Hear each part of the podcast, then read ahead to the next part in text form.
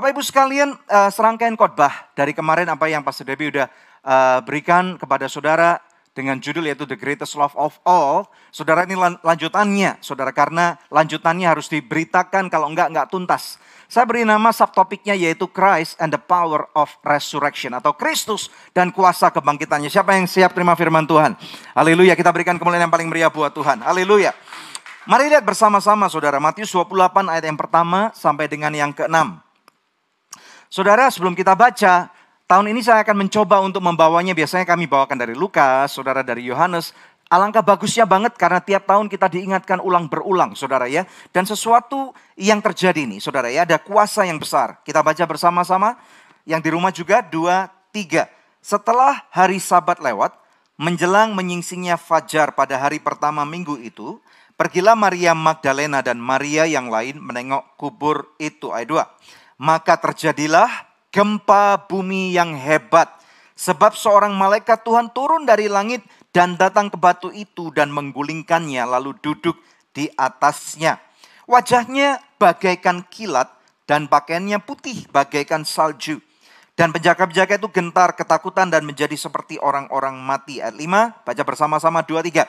Akan tetapi malaikat itu berkata kepada perempuan-perempuan itu, Janganlah kamu takut sebab aku tahu kamu mencari Yesus yang disalibkan itu. Ayat 6 bersama-sama dengan suara yang keras nyaring. 2, 3. Ia tidak ada di sini sebab ia telah bangkit. Sama seperti yang telah dikatakannya. Mari lihatlah tempat ia berbaring. Haleluya. Puji Tuhan. Saudara, kita tahu jelas kalau kita berbicara tentang kuasa kebangkitan orang mati. Siapa sih yang bisa membangkitkan orang mati? Tentunya tidak mungkin manusia. Bapak Ibu sekalian kita tahu bahwa yang namanya kebangkitan di akhir zaman itu memang sudah dijanjikan. Tetapi kebangkitan yang satu ini adalah sesuatu yang tidak diekspektasi oleh bahkan orang-orang Yahudi. Oleh bahkan para ilmuwan-ilmuwan atau para ahli teolog pada zaman itu. Karena apa saudara? Belum pernah sebelumnya ada orang yang mati kemudian bangkit daripada kematian. Ini yang tadi saya katakan, apa yang seharusnya menjadi kabar duka cita, itu kemudian diporak-porandakan oleh oleh Tuhan Yesus saudara, oleh kuasa daripada roh kudusnya. Makanya kita tahu saudara bahwa kebangkitan Tuhan Yesus ini jelas, katakan jelas. Katakan jelas saudara, tepuk dada saudara katakan jelas banget gitu ya. Jelas sekali karena ini adalah intervensi kuasa daripada roh kudus. Saudara, saudara tahukah Anda bahwa pada waktu terjadi kematian daripada Tuhan Yesus, iblis itu sudah bersuka cita, saudara. Karena apa? Dia berpikir bahwa kuasanya itu besar. Dia berpikir bahwa tidak lagi akan ada uh, daripada kerajaan surga itu datang ke muka bumi. Dia pikir inilah habisnya daripada cintanya Tuhan kepada manusia. Tetapi iblis itu salah besar. Karena apa saudara? Bahwa putra Allah yang maha tinggi itu dia pikir dia kalahkan. Tetapi ternyata justru melalui kematianlah murka Allah Bapa atas dosa yang pertama. Dari yang pertama itu menjadi bibit. Tidak ada anak kecil, saudara. Kalau saudara dan saya pernah menjadi kecil, kita nggak pernah diajarin oleh orang kita, orang tua kita berbohong. Tetapi ada aja sesuatu, saudara. Kalau ada sesuatu yang membuat kita merasa nggak nyaman, sesuatu yang membuat kita merasa dikalahkan, membuat kita merasa rugi, saudara. Kita akan melakukan sesuatu yang bahkan melanggar dosa, melanggar aturan, itu pun kita anggap biasa. Karena apa? Kita berpikir kan orang lain juga melakukan hal seperti itu. Betul nggak saudara? Ya. Dan bahkan satu dosa ditutupi dengan dosa yang lain, dosa yang lebih besar. Dan sebenarnya inilah yang, yang selalu kami dengungkan dari mimbar ini. Bahwa itulah bagian daripada rencana iblis. Iblis berusaha untuk menghancurkan rencana agung daripada Bapa di surga. Ini yang terjadi saudara. Sehingga akhirnya justru ini yang iblis tidak tahu. Ada satu plot twist. Ada satu bengkok daripada suatu pemikiran daripada iblis yang dia tidak sangka. Kalau melihat sebuah film, sepertinya saudara bahwa lakonnya itu udah kalah total. Tetapi kemudian tiba-tiba ada satu plot twist yang tidak disadari dan tidak dipahami bagaimana mungkin itu bisa terjadi. Saudara ini terjadi karena tidak lain tidak bukan sudah tercatat dalam kitab para nabi kata firman Tuhan demikian. Tetapi ada satu quote yang kita harus baca dalam Yohanes 3 ayat 16. Di sana dengan jelas dikatakan karena begitu besar kasih Allah akan dunia ini.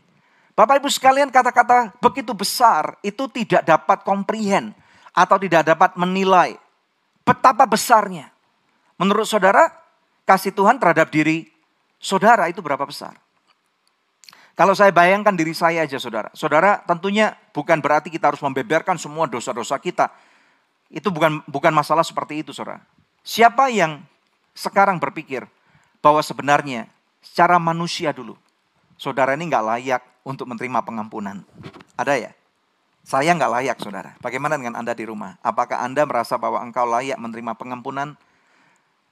Mungkin saudara berkata, saya nggak pernah bunuh orang, Pak Daniel. Saya nggak pernah korupsi uang.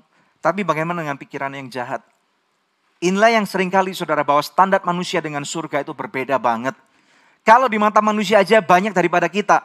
Firman Tuhan mengatakan kita ini udah nggak pantas, nggak layak di mata manusia, apalagi di matanya Tuhan.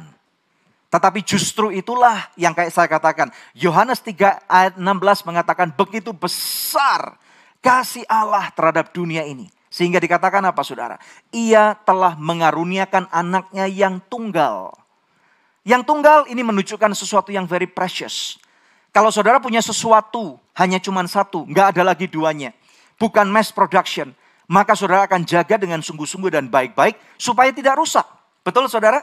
Kalau saudara punya anak semata wayang atau anak tunggal, saya yakin saudara, saudara tanpa sadar pun saudara akan berusaha jaga lebih daripada kalau punya anak dua dan tiga. Apalagi kalau punya anak dua belas. Betul saudara? Ya. Kalau saudara punya anak satu aja, secara tidak sadar, kami pun dulu cukup lama, 10 tahun anak kami cuma satu. Tanpa kami sadar, Saudara anak itu akan lebih diperhatikan. Kalau jatuh di, sedikit aja orang tuanya udah kalang kabut. Suatu kali waktu anak kami Angel, saudara masih kecil sekali. Waktu itu kira-kira masih umur uh, hampir dua tahun saudara. Kami pergi ke sebuah retret. Saudara kami lagi menyembah Tuhan. Tiba-tiba dia jatuh dari ranjang. Padahal ranjangnya itu nggak terlalu tinggi. Sekitar mungkin 60 cm dari dari dari lantai saudara. Kemudian mulutnya berdarah. Waduh. Yang namanya orang tua. Apalagi mamanya yang melahirkan saudara. Itu udah frantic Udah kalut, nggak karu-karuan, udah, wah ayo kita pulang. Ini padahal di luar kota. Ayo kita pulang, ayo kita pulang, anak kita berdarah nih, saudara. Karena apa? Anaknya tunggal. Tetapi pada waktu anak yang kedua, si James, saudara, pernah jatuh mungkin ya. Waktu itu jatuhnya waktu lebih kecil, kira umur sekitar tujuh bulan. Dari ranjang, kami dari uh, ikut konferensi sekitar hampir dua minggu, saudara. Kami lupa kalau anak ini kemungkinan udah ada, ada pertumbuhan baru. Saudara gulung, gulung, gulung. Kami udah siap-siap ke kantor pagi-pagi saudara ya. Tiba-tiba budak gitu saudara. Jamesnya itu jatuh bukan bukan bukan apa namanya saudara ya. Dan jatuh ke lantai. Wah kami terkejut tapi udah nggak terlalu panik saudara. Ya karena apa? Udah anak kedua. Ya saudara ya. Apakah anak kedua tidak berharga? Tentu tidak. Tetapi ini yang saya maksudkan. Karena Allah Bapa mengasihi lebih mengasihi saudara dan saya. Mengasihi dunia ini sehingga putranya yang tunggal, karena dia tahu itu satu-satunya jalan penebusan. Katakan satu-satunya. Satu-satunya menunjukkan tidak ada lagi duanya. Tidak lagi alternatif saudara. Tidak ada alternatif untuk mencapai ke surga. Enggak ada jalan lain untuk mencapai penebusan. Saudara, saudara boleh menjadi orang yang paling baik di muka bumi sekalipun. Pernah nggak saudara kadang-kadang berpikir, semestinya saya itu not bad gitu loh. Bener nggak? Pernah nggak? Halo, pernah nggak? Ya, yang pegang kamera pernah nggak berpikir, saya mestinya not bad gitu loh. Pernah ya? Enggak, saudara ya. Atau mungkin saudara karena kepintaran saudara ya, walaupun gua bad-bad sedikit gitu ya, walaupun jelek-jelek sedikit, tetapi karena keistimewaan saya, misalnya seorang atlet yang ternama, saudara mungkin punya talenta jago matematika, saudara sehingga akhirnya saudara kelemahan-kelemahan kita atau mungkin kita pintar mengambil hati orang. Sehingga akibatnya kelemahan-kelemahan kita kita tutupin atau dengan charming kita, dengan sukacita kita, dengan dengan orang dunia bilang dengan aura, dengan karisma kita. Manusia dengan begitu mudah bisa kita bohongin. Betul saudara, investor kita kita bisa bohongin, orang tua kita dengan begitu mudah kita bisa kabulin atau kibulin, suamimu atau istrimu saudara bisa bisa bohongin, pendeta saudara saudara bisa bohongin dengan begitu gampang. Tetapi bertemu dengan Tuhan, saudara nggak usah bertemu muka dengan muka. Itu kayaknya seperti lebih detail daripada MRI. Tahu nggak saudara? Ya, MRI itu orang yang kalau sakit dimasukkan dalam sebuah mesin, kemudian semua saudara ya, itu bukan cuman dari tampak luar atau tampak bawah, itu seperti dalam tanda kutip dicincang-cincang dan setiap bagan itu dikelihatan. Ada apanya? Saudara bisa bayangkan kalau mesin MRI aja udah bisa seperti itu, apalagi melihat Tuhan. Tuhan melihat saudara dan saya. Detail. Reportnya, komprehensif report langsung keluar. Makanya saudara sebenarnya tidak ada satupun daripada kita yang layak untuk diselamatkan. Tetapi karena ada satu harga yang harus dibayar. Katakan ada harganya. Harganya apa saudara? Putra tunggal daripada Allah Bapa di surga. Dikorbankannya lah supaya apa? Dicatat oleh firman Tuhan. Supaya setiap orang yang percaya kepadanya. Siapa yang hari ini percaya? Memilih untuk percaya kepadanya. Kalau saudara memilih untuk percaya kepadanya, saudara harus ada pembuktian. Pembuktiannya apa? Tuhan Yesus mengatakan, kerajaan surga sudah dekat. Repent, bertobat. Bertobat itu artinya saudara berpaling dari jalan yang lama. Berpaling daripada jalan kehidupan yang dulu saudara kira itu not bad. Kerajaan surga tidak bisa dipermainkan. Kalau ada orang yang misalnya uh, baru bekerja, misalnya di kantor pelayanan saudara, atau bekerja bersama dengan saya. Kadang-kadang kalau ada cara-cara yang saya saya kira nggak sesuai dengan hati saya, saya akan tanya, kenapa kamu melakukan itu? Misalnya, saudara, ini bukan bukan masalah dosa, bukan masalah mencuri. Orang itu bisa berkata karena ini cara yang saya mengerti pak, atau bu, misalnya. Kemudian saya akan berkata gini deh, mulai hari ini saya tidak mau kamu pakai cara kamu. Saya mau kamu pakai cara saya. Selama kamu ada di kantor ini, dalam pelayanan ini, use my way. Seperti itulah yang dikatakan oleh oleh Tuhan kepada manusia. Caramu kamu pikir tuh bagus, tapi nggak bagus. Harus ada pembuktian. Makanya saudara dikatakan supaya kita tidak binasa, kita harus percaya dan percaya harus ada ada pembuktian yang real, yang nyata. Kita nggak bisa lagi berpikir seperti dulu. Kita nggak bisa lagi menghidupi cara kita seperti dulu, cara kita beroperasi, cara kita bergereja, cara kita berbisnis, berkeluarga, mengelola keuangan kita. Makanya saudara, menjadi anak Tuhan, kita sungguh diberkati sekali karena Tuhan memberikan rambu-rambu yang begitu jelas apa yang tidak boleh dan apa yang boleh. Dan kalaupun ada sesuatu yang kurang, serasa kurang jelas, ada roh kudus di sana yang dapat menuntun kita. Yang percaya katakan amin. Supaya kita tidak binasa, dan dikatakan goal daripada Allah Bapa kepada untuk saudara dan saya. Goalnya adalah supaya kita beroleh kehidupan yang kekal. Bukan kekal di neraka, tetapi kekal di mana saudara? Di surga. Dan memerintah bersama dengan dia. Yang percaya dan sudah ditebus oleh darah daripada darah domba. Dan siap untuk hidup dalam kekekalan bersama dengan katakan amin. Berikan kemuliaan yang paling meriah buat Tuhan Yesus Kristus. Haleluya. Yang kedua saudara, kita tahu bahwa belajar daripada kebangkitan, katakan dari kebangkitan. Sebelum kebangkitan harus terjadi apa saudara? Kematian. Poin yang kedua ini berbicara tanpa kematian, tidak ada kebangkitan. Saya tidak tahu kondisi saudara pada saat ini apa. Mungkin uangmu lagi mati. Mungkin relationshipmu lagi mati. Mungkin saudara ada banyak kematian-kematian yang kerap kali terjadi. Kematian saya bisa berkata, kematian itu kan sesuatu di luar kendali. Ilmuwan, masih berusaha. Ada film-film saudara ya, science fiction masih masih berupa science fiction. Kalau saudara melihat yang tidak ngerti ini ya, film yang namanya science fiction itu masih istilahnya nggak real, nggak nyata. Tetapi film yang fiksi itu sesuatu yang bisa terjadi karena mungkin pengalaman seseorang atau sesuatu yang bisa terjadi pada kehidupan ini. Film-film science fiction itu masih bisa berusaha memikirkan life after death dalam pemikiran manusia. Misalnya bagaimana pikiran atau otak manusia itu direkam, saudara dimasukkan dalam sebuah data, menjadi misalnya contoh sebuah artificial intelligence, saudara kalau misalnya nyambung kepada uh, Family 4.0 dua minggu yang lalu, saudara. Tetapi ini belum tentu seperti itu. Nangkep enggak, saudara? Makanya sesuatu yang di luar kendali itu membuat kita ketakutan, freak out. Kita yang kerap kali bisa menjadi control freak, Orang yang selalu pengen memegang kendali, kita akan selalu merasa bahwa ini di luar kendali saya. Kematian berbicara tidak melulu saja tentang fisik, saudara tidak melulu saja tentang jasmani, tetapi mungkin merely of uang saudara berkurang. Mungkin juga bagi beberapa saudara di sini menjadi lebih tua atau menjadi tua. Atau mungkin dalam satu masuk dalam satu ranah fase kehidupan yang tidak pernah engkau jalani sebelumnya. Saudara percayalah bahwa tanpa kematian tidak ada kebangkitan. Kebangkitan itu milik Tuhan.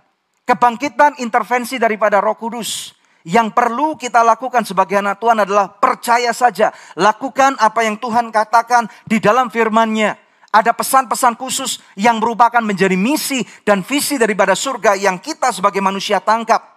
Sama saudara, selama selama satu tahun lebih, mungkin dua bulan ini saudara ya. Dunia sudah menghadapi suatu kehidupan yang tidak akan pernah sama lagi. Tetapi saudara percayalah bahwa Tuhan tetap memegang kendali.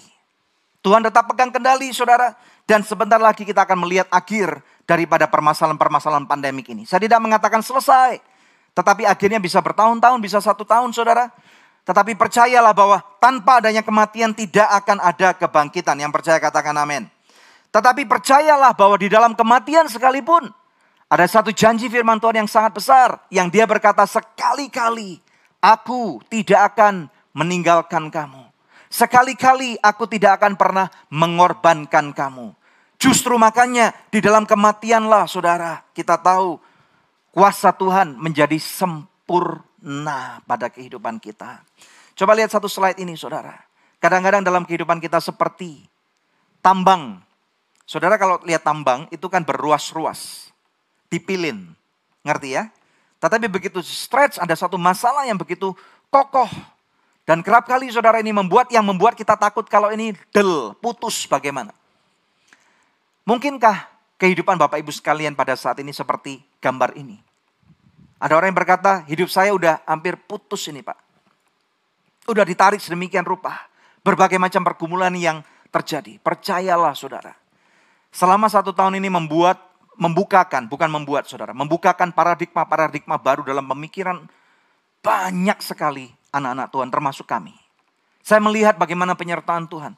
Orang-orang yang yang rasanya nggak mungkin bisa berhasil untuk melewati satu dua hari lagi. Eh Tuhan luputkan.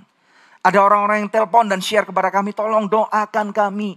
Saya nggak bisa melewati masa-masa ini. Toh sampai hari ini masih hidup. Halo, berapa banyak dari saudara yang ada di Storehouse yang merasa bahwa satu tahun ini adalah masa-masa yang sangat kritis dan genting buat saudara?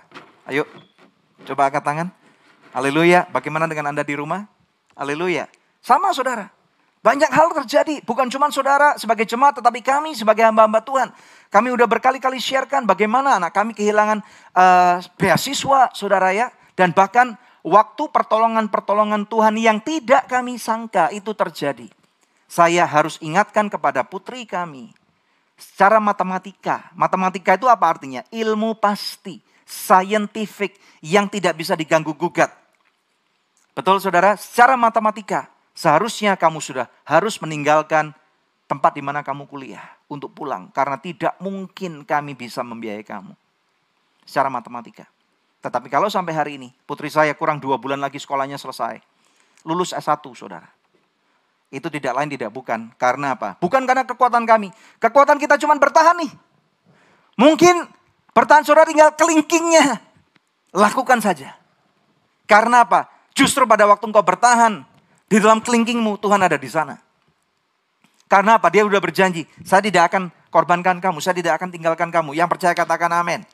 Justru dalam 2 Korintus 12 ayat 10, dengan jelas berkata karena aku senang dan rela di dalam kelemahan, di dalam siksaan, di dalam kesukaran, di dalam penganiayaan dan kesesakan oleh karena Kristus. Sebab jika aku lemah, maka aku kuat. Yang kuat karena Tuhan, katakan amin. Berikan suaranya, berikan kemuliaan kepada dia. Haleluya, haleluya saudara. It's not over yet. Jangan lemparkan handuk iman saudara. Lemparkan handuk kalau dalam sebuah pertandingan. Pada waktu seorang pelatih melihat anaknya itu kalah, digebukin kalau tinju, udah hampir mati. Pelatih itu akan lemparkan handuk tanda dia menyerah. Atau mengangkat uh, bendera putih, tanda jangan tembak kami, kami akan comply. Apa pun yang kamu sebagai musuh minta kami untuk bahkan maaf nih, menjilat sepatu kamu pun kami akan lakukan. Tetapi saudara Tuhan Yesus hari ini membawa pesan kepada saudara, it's not over yet. Jangan lempar handuk, jangan gadaikan imanmu, jangan angkat bendera putihmu karena it's not over yet. Belum selesai. Karena kabar duka cita. Tiba-tiba digantikan menjadi kabar sukacita. Siapa yang bersukacita karena Tuhan Yesus hidup? Haleluya. Kubur kosong membuktikan bahwa dia hidup. Haleluya dengan hidupnya Tuhan Yesus Ada banyak sekali possibilities-possibilities. Mari kita lihat yang ketiga, saudara. Dampak Kristus dan kuasa kebangkitannya. Ini yang sekarang kita harus belajar untuk hidupi. Kita harus benar-benar hidupi, saudara. Bapak Ibu sekalian, ada satu dampak yang besar. Saudara kalau lihat cerita nanti daripada Tuhan Yesus nanti di rumah ya, mulai dari kitab Matius, Markus, Lukas, Yohanes, itu lengkap sekali.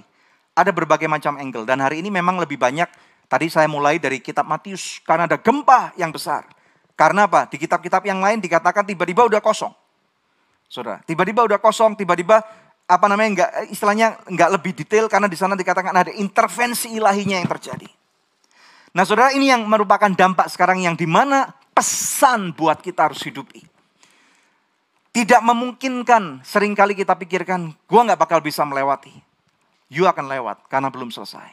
Buka bersama dengan saya. Efesus 1 ayat 20 sampai dengan 23. Kita akan lihat satu persatu dengan perlahan, dengan pasti saudara yang dikerjakannya di dalam Kristus dengan membangkitkan dia dari antara orang mati dan mendudukan dia di sebelah kanannya di sorga. Jadi dengan jelas dikatakan di ayat 20 ini, ini karya roh kudus.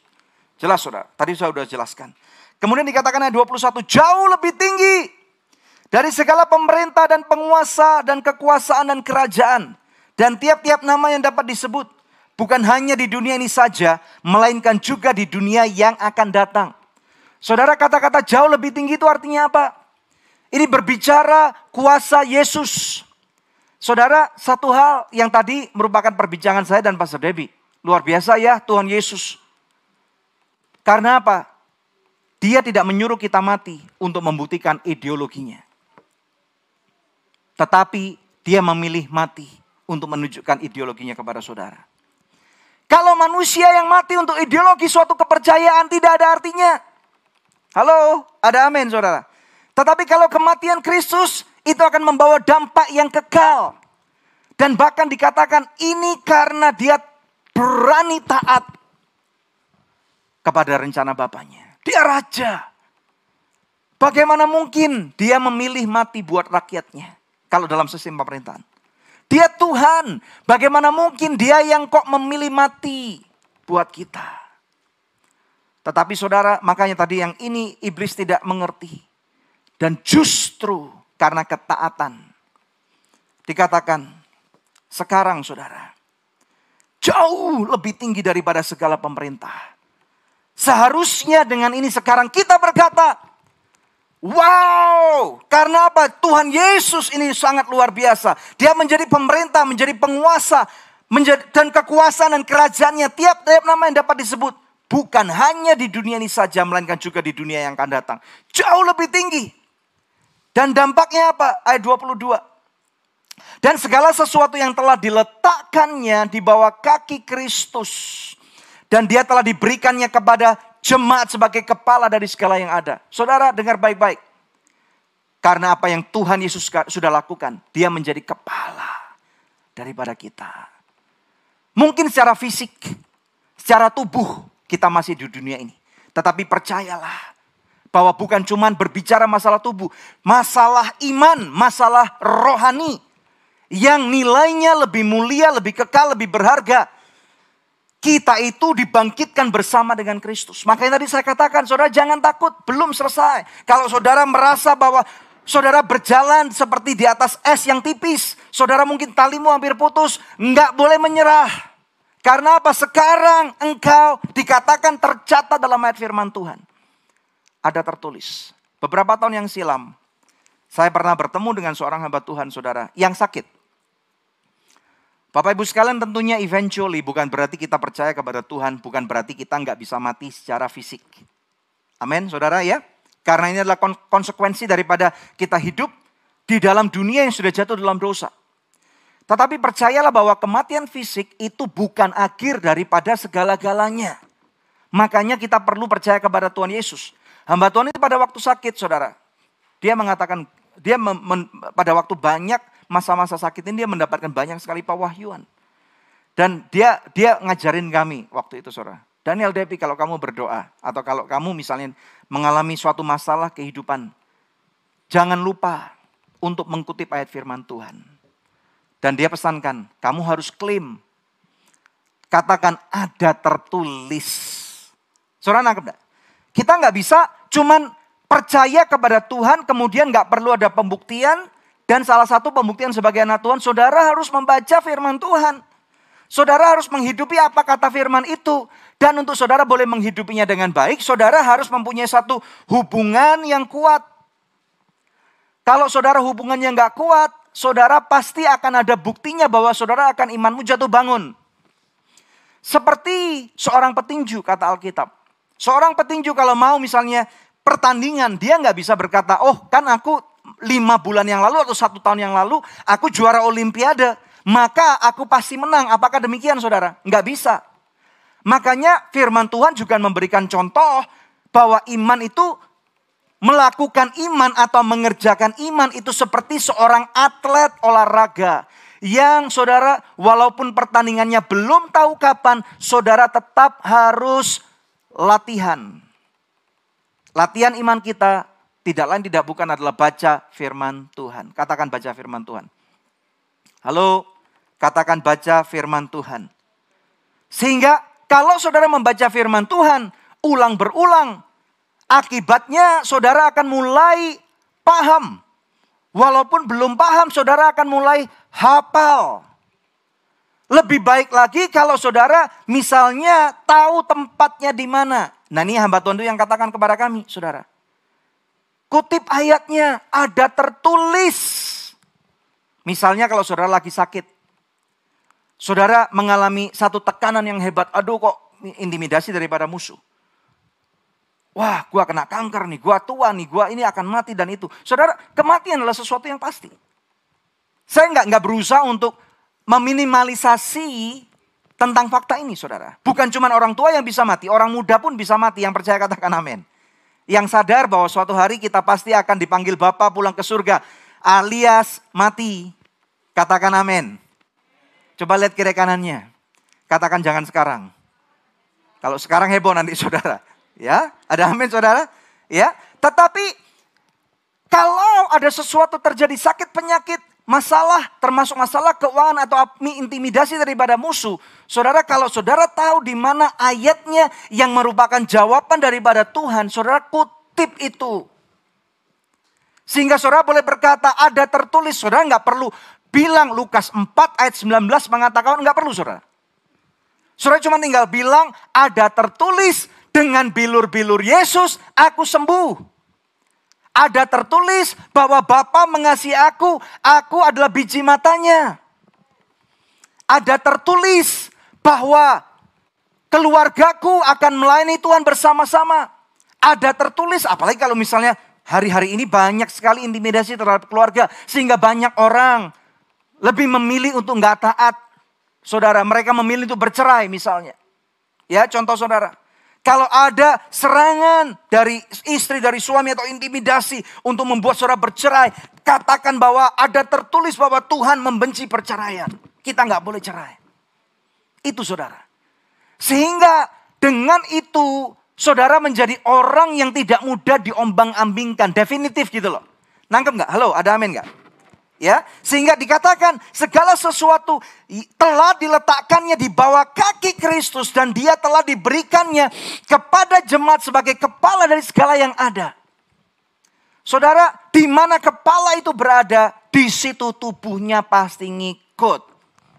Kalau kepalanya yaitu Kristus Yesus sudah dibangkitkan dan mengalahkan maut, artinya ada kabar gembira. Halo, saudara, engkau telah mengalahkan maut pula bersama dengan Kristus Yesus. Yang percaya katakan amin. Haleluya. 23 jemaat yang adalah tubuhnya yaitu kepenuhan dia yang memenuhi semua dan segala sesuatu. Saudara, makanya di dalam pengajaran atau prinsip kerajaan surga, saudara, Tuhan Yesus berkata, ajarkanlah kepada seluruh bumi, kepada seluruh makhluk hidup. Muridkan mereka, baptiskanlah mereka. Saudara, saya berharap saudara bisa menerima apa yang firman Tuhan katakan ini. Beberapa daripada saudara masih kuliah. Beberapa daripada kita pengusaha. Beberapa daripada kita profesional, beberapa daripada kita adalah hamba Tuhan. Saudara, kita perlu bersatu padu mengerti akan hal ini bahwa kita punya tugas yang sangat penting. Di luar sana ada begitu banyak orang yang perlu menerima kabar keselamatan. Ada begitu banyak orang yang perlu menerima kabar bahagia. Selagi kita ada duduk di sini, berapa banyak orang yang merasakan bahwa mereka tidak dicintai. Dan saudara tahu, saudara kalau engkau merasa tidak dicinta itu adalah suatu serangan yang sangat real. Kalau saudara merasa kesepian itu adalah suatu serangan yang sangat real. Apalagi kalau saudara sudah memilih meninggalkan Tuhan, ada tuduhan demi tuduhan yang dulunya saudara berkata, dulu pada waktu aku belum meninggalkan, ada ada satu kayak apa ya, sesuatu yang nagih untuk aku meninggalkan Tuhan. Tetapi setelah aku begitu bodoh, tidak mengerti, mengikuti kedaginganku, aku memilih meninggalkan Tuhan, melakukan segala perbuatan-perbuatan yang tidak baik atau menjalankan bisnis dengan cara yang salah. Iblis kemudian bisa pakai itu untuk memberikan intimidasi yang lebih besar. Dan sekarang saudara, kalaupun tidak lagi ada orang yang peduli kepada saudara, percayalah Tuhan Yesus memilih peduli mati dan bangkit buat engkau. Haleluya. Supaya apa? Kita adalah tubuhnya. Katakan aku adalah tubuhnya. Saudara, ini bukan cuma menjadi bagian daripada sebuah gereja loh. Ini bukan menjadi bagian daripada suatu sektor kepercayaan tertentu. Saudara menjadi bagian daripada seorang raja di atas segala raja. Dahsyat men. Haleluya. Kalau saudara dijadikan tim elit. Kalau tiba-tiba suatu hari ada telepon. Saudara tidak mengenali teleponnya, tetapi karena ini mungkin yang telepon, saya tidak tahu, belum pernah ditelepon oleh sekretariat negara. Supaya tidak di reject, tulisannya sekretariat negara. Bisa nggak? Oh bisa, teknologinya ada itu saudara. Ya, ditelepon oleh sekretariat negara. Saudara, ini benar nggak nih? Ini mungkin prank mungkin saudara ya. Saudara telepon, halo benar nggak ini? Misalnya, benar nggak ini James Richard gitu? Atau Joshua Tree. Siapa nih ya? Sekretariat negara. Wah prank ini pasti. Surat tutup. Telepon lagi kedua. Halo siapa nih sekretariat negara? Betul nggak dengan Bapak Yosua Tri? Atau betul nggak dengan Pak Kus Jayanto misalnya? Oh ya betul. Pak Jokowi mengundang Anda ke istana. Wah boleh tahu Pak. Saya tidak bisa memukar semuanya tetapi Pak Jokowi ingin mengajak Anda berdiskusi sesuatu yang penting untuk kemaslahatan. Ngerti nggak kemaslahatan? Kemaslahatan itu kebaikan banyak orang. Kemaslahatan negeri ini. Saudara, how do you feel that day? Saudara akan merasa tersanjung, saudara akan merasa begitu berharga. Saudara akan mungkin malam itu nggak bisa tidur. Saudara akan berusaha minimal uh, kalau ditanya paskotnya nanti kalau misalnya sekretariat negara mengatakan nanti paskotnya untuk masuk benar nggak saudara harus hafal Pancasila nggak boleh Enggak boleh lupa titik dan koma. Saya mau tanya, saudara akan rekam dirimu berdiri di depan kacamu untuk membaca Pancasila lagi enggak kayak anak kelas 3 SD? Halo? Saudara nangkep enggak analogi ini? Kalau itu terjadi dan mungkinkah ini adalah suatu nubuatan bagi beberapa orang. Bahwa sekretariat negara akan telepon saudara. Dan itu bisa terjadi bukan karena engkau hebat, pandai, ada berapa banyak ada 275 juta orang penduduk di muka bumi ini dan kalau engkau ditelepon oleh seorang presiden engkau bisa merasa begitu berharga. Dan sekarang di atas presiden mana pun juga. Ini mengatakan bahwa kamu adalah bagian daripada tubuhku. Katakan wow. Kalau itu terjadi saudara kepada kita, kita akan merasa begitu berharga kita akan menjadi seseorang yang begitu terpandang. Bapak ibu sekalian ada suatu kabar bahagia bahwa surga memanggil saudara. Katakan surga memanggil saya. Katakan saya adalah tubuhnya Kristus. Kok nggak semua? Halo? Saudara nggak percaya nih apa yang saya katakan kayak ini? Ayo baca lagi bersama-sama ayat 22 dan 23. Siap? Baca semua ya di storehouse dan di rumah siap? Efesus 1 ayat 22 dan 23. 23. Dan segala sesuatu telah diletakkannya di bawah kaki Kristus. Dan dia telah diberikannya kepada jemaat sebagai kepala dari segala yang ada. Ada amin nggak? Nangkep nggak ini saudara-saudara? Ya, 23, 23. Jemaat yang adalah tubuhnya. Jemaat siapa jemaat? Yang dimaksud dengan jemaat adalah orang yang sudah menerima kepercayaan bahwa Yesus Kristus itu mati buat saudara, dibangkitkan di hari yang tiga, itu adalah jemaat. Saudara yang percaya mengatakan bahwa aku adalah bagian yang terhitung karena dia di dalam kasih karunia yang mati buat aku, itu adalah jemaat. Saudara yang berkata bahwa aku mulai hari ini akan mengikut apa yang Tuhan katakan melebihi intimidasi yang aku terima. Itu adalah jemaat. Jadi bukan masalah engkau anggota sebuah gereja saja. Ini berbicara masalah yang kerap kali sudah kami dengungkan dari mimbar ini berbulan-bulan. This is talking about the reality of covenant. Saudara, realitas daripada sebuah covenant itu berharga banget. Bukan cuman itu menjadi passcode untuk saudara bisa masuk surga. Tetapi membuat surga turun ke muka bumi. Yang percaya katakan amin. Jemaat ACS kok nggak percaya nih, saya nggak terima nih. Halo, yang percaya bahwa surga turun ke keluargamu, yang percaya bahwa surga turun ke bisnismu, saudara yang percaya bahwa Tuhan surga turun ke keuangan saudara, saudara yang percaya bahwa surga itu mendominasi pikiran saudara, yang percaya katakan amin dan pekikan kemuliaan bagi Tuhan. Haleluya. Haleluya. Gitu dong saudara. Haleluya. Kenapa kita lebih excited untuk melihat sepak bola? Melihat futsal yang nanti jam 4 akan dilakukan daripada menerima panggilan daripada surga, saudara. Halo. Ada amin Bapak Ibu sekalian. Kalau kita dipanggil oleh surga, what a joy. Dan Tuhan mau memakai saudara menjadi bagian daripada kerajaannya. Saya berharap saudara bahwa kuasa daripada kebangkitan Yesus ini akan berdampak kekal buat kehidupan kita. Dan kita mulai latih hari ini, hari demi hari. Mari kita periksa ulang kehidupan kita. Kalau ada yang nggak selaras dengan Tuhan, rubah. It's a choice. Ini suatu pilihan yang saudara, saudara miliki. Kalau ada ketidakpercayaan dalam hal keuangan, kesehatan atau apa pun juga, rubah. Pilih untuk berubah. Haleluya. Karena dengan cara itu, orang-orang di sekelilingmu akan melihat, wow, hidupnya berubah loh. Bukan menjadi lebih jelek, tetapi aku melihat bagaimana dia jatuh, bagaimana dia ancur-ancuran, tetapi tiba-tiba kata firman Tuhan tadi di utama ada gempa bumi intervensi surga, sesuatu terjadi. Yesus dibangkitkan. Demikian juga saudara. Yang percaya katakan amin. Berikan kemuliaan yang paling meriah buat saudara. Bahwa kain kabungmu, kain duka citamu digantikan menjadi kain sukacita. Bahwa surga itu bersuka atas saudara. Mari Bapak Ibu sekalian kita akhiri ibadah ini. Saya undang tim pemuji untuk kembali.